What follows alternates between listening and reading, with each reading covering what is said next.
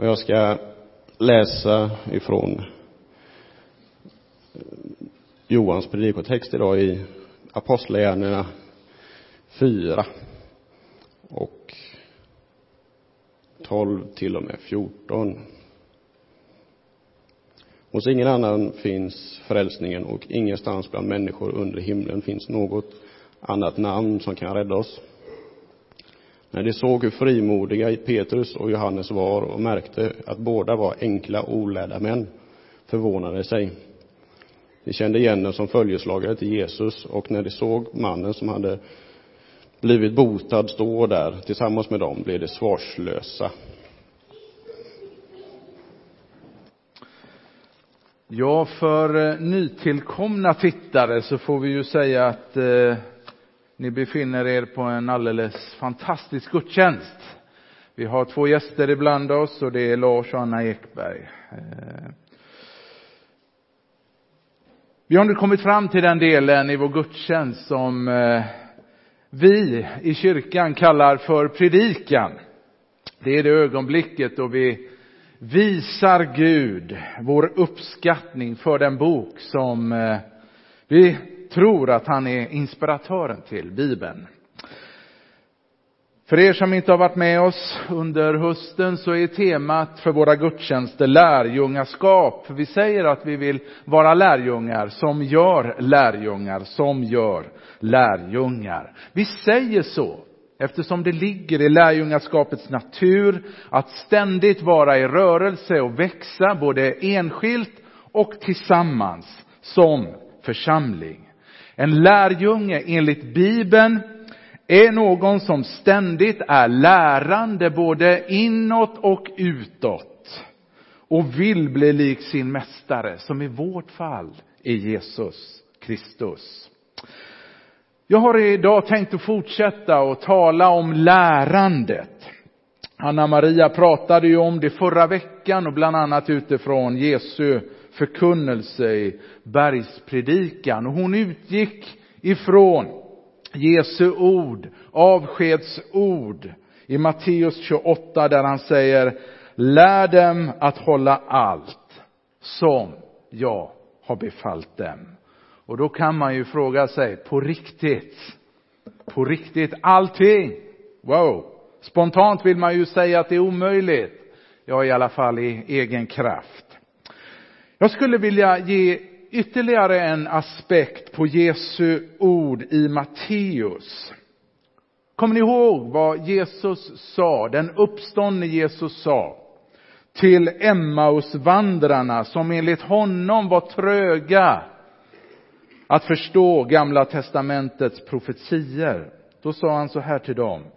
Detta är vad jag sa till er när jag ännu var hos er. Att allt måste uppfyllas som står skrivet om mig i Mose lag, hos profeterna och i salmerna. Vi har sjungit en av salmerna här idag. Sedan öppnade han deras sinnen så att de kunde förstå skrifterna. Alltså det är allt om denne Jesus i Bibeln vi lär ut. Allt, han har, allt om vem han är, allt vad han har sagt, allt vad han har gjort för att vi ska komma till tro och förbli i tron. Om du visste vilken förmån det är att få stå här söndag efter söndag och undervisa er om boken. Jag ljuger om jag inte också säger att Iva vet ju detta, att det är mycket kamp förstås när man förbereder sig. Det är långa dagar, många timmar. Men det är en oerhörd förmån att få stå här och undervisa er om boken. Den undergörande spegeln i vars närvaro vi blir som vi umgås. Och om detta handlar dagens predikotext som Mikael har läst för dig. Jag utgår ifrån Apostlagärningarnas fjärde kapitel. Därifrån läser jag den trettonde versen i det fjärde kapitlet. Jag tror den kommer upp på väggen. När de såg hur frimodiga Petrus och Johannes var och märkte att de båda var enkla och olärda män förvånade de sig. De kände igen dem som följeslagare till Jesus. Enkla och olärda. Är det en komplimang? Smaka på den. På grekiska idiotos. Jag tror ni anar ganska snart vilket ord vi har hämtat därifrån. I en annan översättning så står det, när ledarna såg hur modiga Petrus och Johannes var, att de tydligen var vanliga, enkla människor utan högre utbildning, blev de mycket förvånade.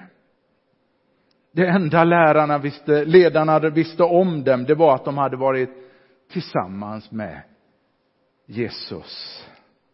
Vi noterar följande.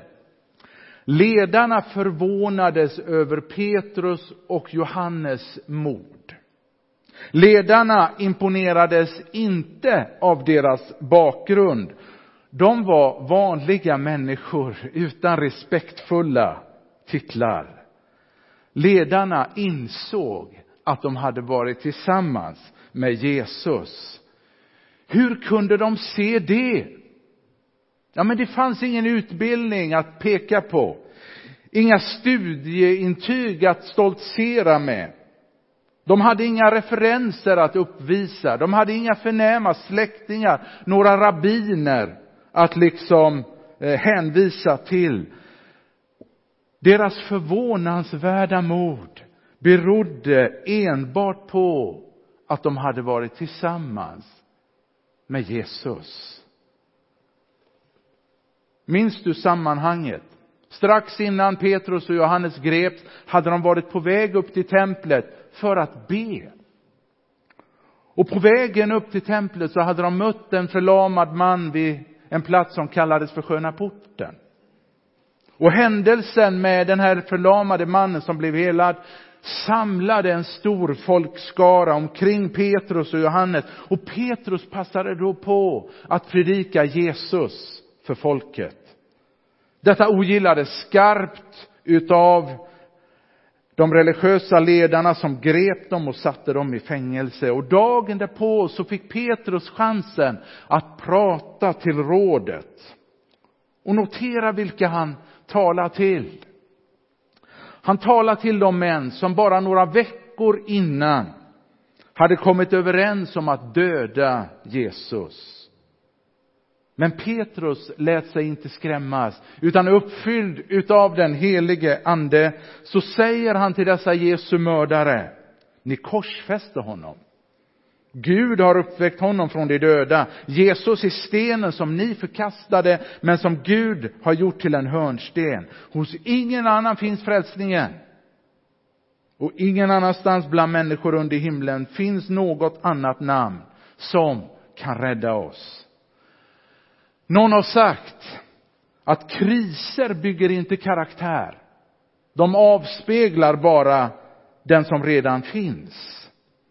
Petrus och Johannes fångenskap avslöjade sanningen om de båda.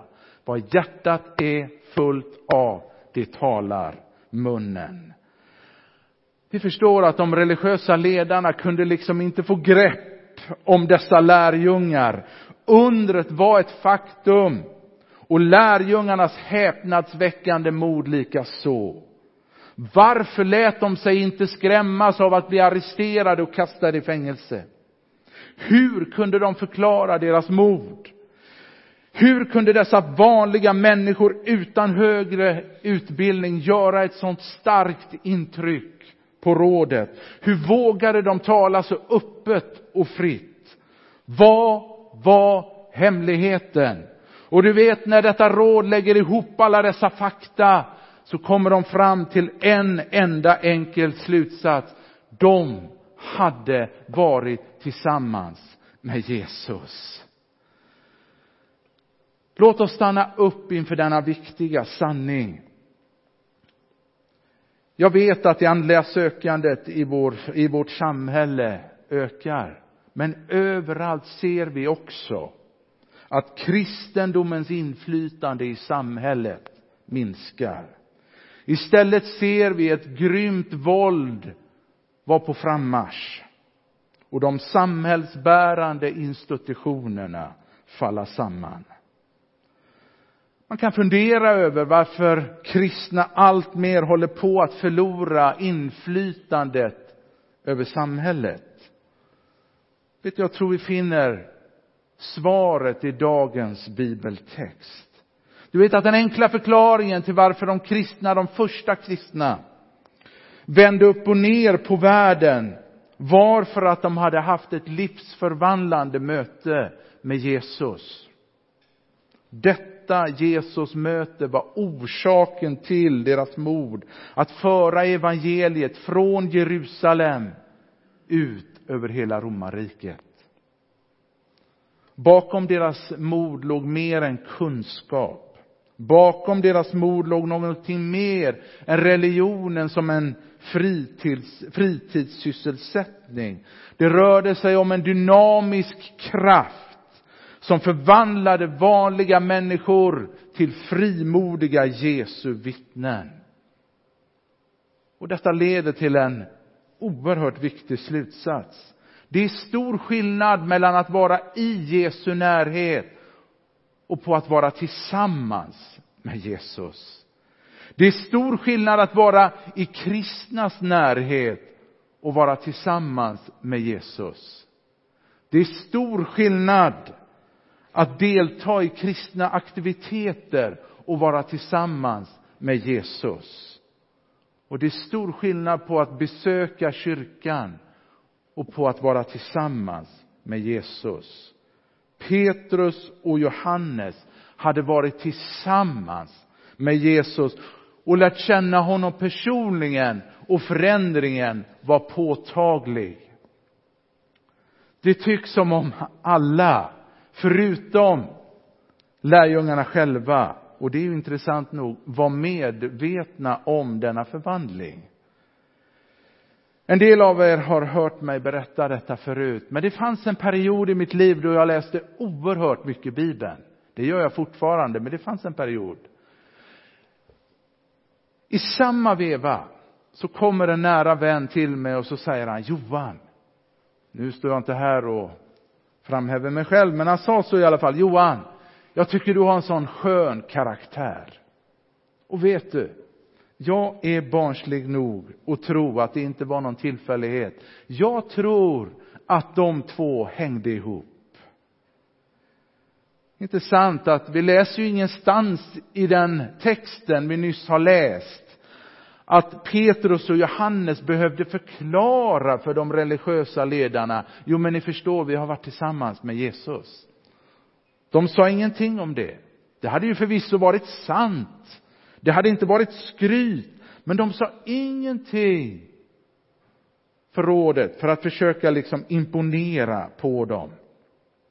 Stora rådet var inte ett dugg imponerade av dessa människor som personer med liksom att de hade utbildningar och annat att visa på. Nej, de var snarare förvånade. Jag menar, hallå på pappret. Hur stora chanser hade dessa outbildade fiskare mot denna skara utav välutbildade rabbiner? Ändå är scenen den omvända. Vi ska komma ihåg att Petrus och Johannes var ju inte ute efter att söka konfrontation. De hade varit på väg, som jag sa, till templet för att be. De hade inga planer på att varken göra några under eller predika och ännu mindre att arresteras och hamna i fängelse. Men allt eftersom Petrus, men eftersom Petrus och Johannes inte tvekade att gå med Gud, så tvekade inte heller Gud att kröna dem med sin välsignelse. Det är sånt som händer med människor som ställer sina liv till Guds förfogande. Men ibland kan ju också lydnaden ställa till med problem för en själv. Vilket det också gjorde för dessa enkla fiskare. För dessa enkla fiskare gjorde vad de alltid och nu ville rådet veta, i vilket namn har ni gjort detta? Och apostlarna svarade som de alltid gjorde och fick det hett om öronen. De judiska ledarna, läser vi, tålde nämligen inte att apostlarna undervisade folket och med hänvisning till Jesus förkunnade uppståndelsen ifrån de döda. Och inför rådet så stod apostlarna och sa, ni korsfäste honom, men Gud har uppväckt honom från de döda. Håll med om att det är rätt modigt att inför Jesu mördare stå och säga så, ni korsfäste honom. Och responsen lät inte vänta på sig. Många som hade hört ordet kom till tro och tillsammans var de nu omkring 5000 män. Och lägg där till kvinnor och barn. Notera ordningsföljden. Lydnad, mirakel, predikan, tusentals frälsta, fängelse och mod i motvind.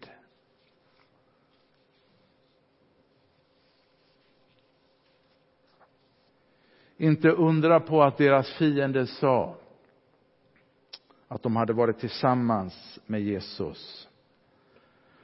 Den Petrus som tidigare hade brottats med ett instabilt humör var nu inför rådet lugn som en filbunke. Den Petrus som inte långt ifrån den plats där han nu stod hade förnekat Jesus tre gånger bekände nu sin tro på Jesus Kristus lika fast som en klippa. När Jesus lägger beslag på en människa, på en människas liv, blir förändringen uppenbar för alla. Även om de judiska ledarna inte tålde att lyssna på vad Petrus talade om, så kunde de på samma gång inte förneka vad Jesus faktiskt gjort i honom. De var tvungna att erkänna, de hade varit tillsammans med Jesus. Ett Guds barn kan inte få en vackrare komplimang. Vi ska snart tillämpa denna sanning på oss själva, men vi måste fråga oss ändå, vad, vad, vad kännetecknar en person som har varit tillsammans med Jesus? Helt klart så vill vi ju att någonting av det som kännetecknade Jesus också ska märkas på vår egen utsida, eller hur? Hur ser, så, hur ser en sådan Jesus personlighet ut? Hurdan var Jesus? Ja, alltså vi behöver inte gå längre än till aposteln Johannes själv. När han ska till att beskriva hurdan Jesus var, då skriver han i sitt första kapitel i Johannes evangeliet att Jesus var full av nåd och sanning. Den som umgås med Jesus kommer också bära drag utav nåd och sanning. Kanske har du liksom jag träffat på människor som får dig att känna att himlen inte är långt borta. Jag har haft förmånen att få lära känna ett par sådana personer genom åren. En man eller en kvinna som är full av nåd och sanning. Spelar ingen roll om de lyssnar eller pratar, skrattar eller gråter, står eller sitter, följer eller leder. Sådana människor drar en alltid närmare Jesus. Hur går då denna utveckling till?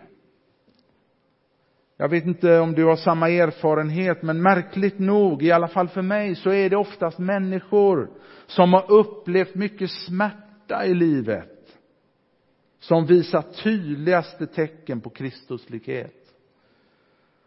När jag tänker tillbaka på kristna som jag lärt känna genom åren på de platser där vi har bott, så de personer som gjort starkast avtryck, det är de som har gått igenom mycket lidande, men samtidigt bevarat tron som gjort starkast intryck på mig. De liksom intygar sanningen i Jobs ord.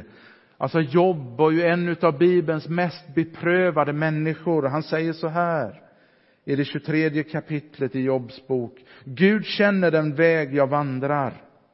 Prövar han mig så är jag ren som guld. Alltså det är som att det finns inga genvägar till ett liv som efter många prövningar är rent som guld. Den har gått genom elden. Den har prövats. Och för att Gud ska förädla din och min karaktär lik guldet så går vägen också för oss genom elden. Någon har sagt, i svåra tider visar sig skillnaden mellan en himmelskt sinnad människa och en världsligt sinnad människa. Den som är världslig är ängslig, lättretlig och otålig. Den himmelskt sinnade människan är lugn, modig och hoppfull. Inget lugnar och styrker en människa mer än vetskapen om Guds beskydd. Charles Spurgeon, en av vår tids största predikanter, han sa en gång, vem som helst kan sjunga i solljuset. Men den stora frågan är, vad gör du när du förlorar jobbet? Vad gör du när äktenskapet spricker? Vad gör du när cancern återvänder? När din bästa vän sviker dig? Eller när du kastas i fängelse på grund av din tro? Ja, vad gör du när svårigheterna kommer? Ja, om du hade varit Petrus och Johannes, då hade du talat om Jesus. Och du hör ju själv det är långt ifrån enkelt. Alltså, vi snackar verkligen inte om någon quick fix. Men ju mer tid du tillbringar tillsammans med Jesus, desto mer kommer andra att se den förvandling som han åstadkommit i ditt liv. Också när du går genom elden, genom svårigheterna. Man frågar sig, vilken ände börjar man? Ja, men man blir som man umgås, det har vi sagt. Vill du bli mer lik Jesus, sök du också mer av den helige Ande. Vi läser i texten att, Paulus, eller att Petrus blev uppfylld av den helige Ande. Du som känner till hela berättelsen, apostlagärningarna, du vet att han blev uppfylld av helig ande i kapitel 2. Och så blir han det igen. Och strax efteråt så blir han innan kapitlet övergår till ett nytt, uppfylld av den heliga ande igen. Alltså andeuppfyllelse är ett pågående. Alltså ju mer fylld du blir av, uppfylld du blir av Jesu ande, desto mer lik blir du honom. Och så fortsätter Charles Spurgeon i sin predikan om Kristuslikhet. Han säger så här, förgäves i alla försök att bli mer lik Jesus utan hjälparen den helige Ande. Ta sen ditt på nytt födda hjärta och stoppa det i ugnen och låt det smältas ner. Först därefter blir det som vaxet som kan formas till Jesu avbild. Ingen människa blir Kristuslik genom att bara hänga med andra kristna i kyrkan. Under mina förberedelser lyssnade jag på en lovsång som finns i en Spotify-lista som heter Pingst, lovsånger om den helige Ande. Och en av sångerna berörde mig extra. Andas liv, helig Gud. Uppväck min förundran nu. Ge mig tro så jag kan se att det finns mer. Jesus, allting börjar här med dig. Din skönhet drar mig djupare. Andas liv, helig Gud. Jag gillar den sången för den lägger betoningen precis på rätt ställe. Utan den helige ande så förblir vi densamma som vi alltid har varit. Och Spurgeon avslutar sin predikan, och jag ska göra lika så, med att måla en bild. Han beskriver en ängel som står invid himmelens port och som är redo att släppa in dem som liknar Jesus. Och ängeln avvisar en människa som hela sitt liv förlitat sig på, sitt, på sin jordiska berömmelse. Och han avvisar en annan som under hela sitt liv förlitat sig på sin gedigna utbildning och en annan som förlitat sig på sitt vackra utseende. Inget av detta, skriver Spurgeon, spelar någon roll en vacker dag. Men då kan man ju fråga sig, om inget av det som räknas här nere på jorden spelar någon roll i himlen, vem blir då erkänd till slut? Och Spurgeon fortsätter. Så träder en annan gestalt fram. Det tycks se ut som om det är en fattig människa. Kanske en analfabet. Men ängeln tittar på honom och säger det är Jesus igen. En andra upplaga av Jesus. En annan upplaga av Jesus står där. Kom in! Kom in! Du har vunnit evig härlighet. Du är Kristus lik. I himlen hör du hemma eftersom du liknar Kristus. Än är vi inte framme vid målet. Kanske är det en tröst. Vi är på väg. Utmaningen, vår kallelse och vår bön är må Kristus bli synlig i oss. Må den helige Ande fylla oss med nåd och sanning.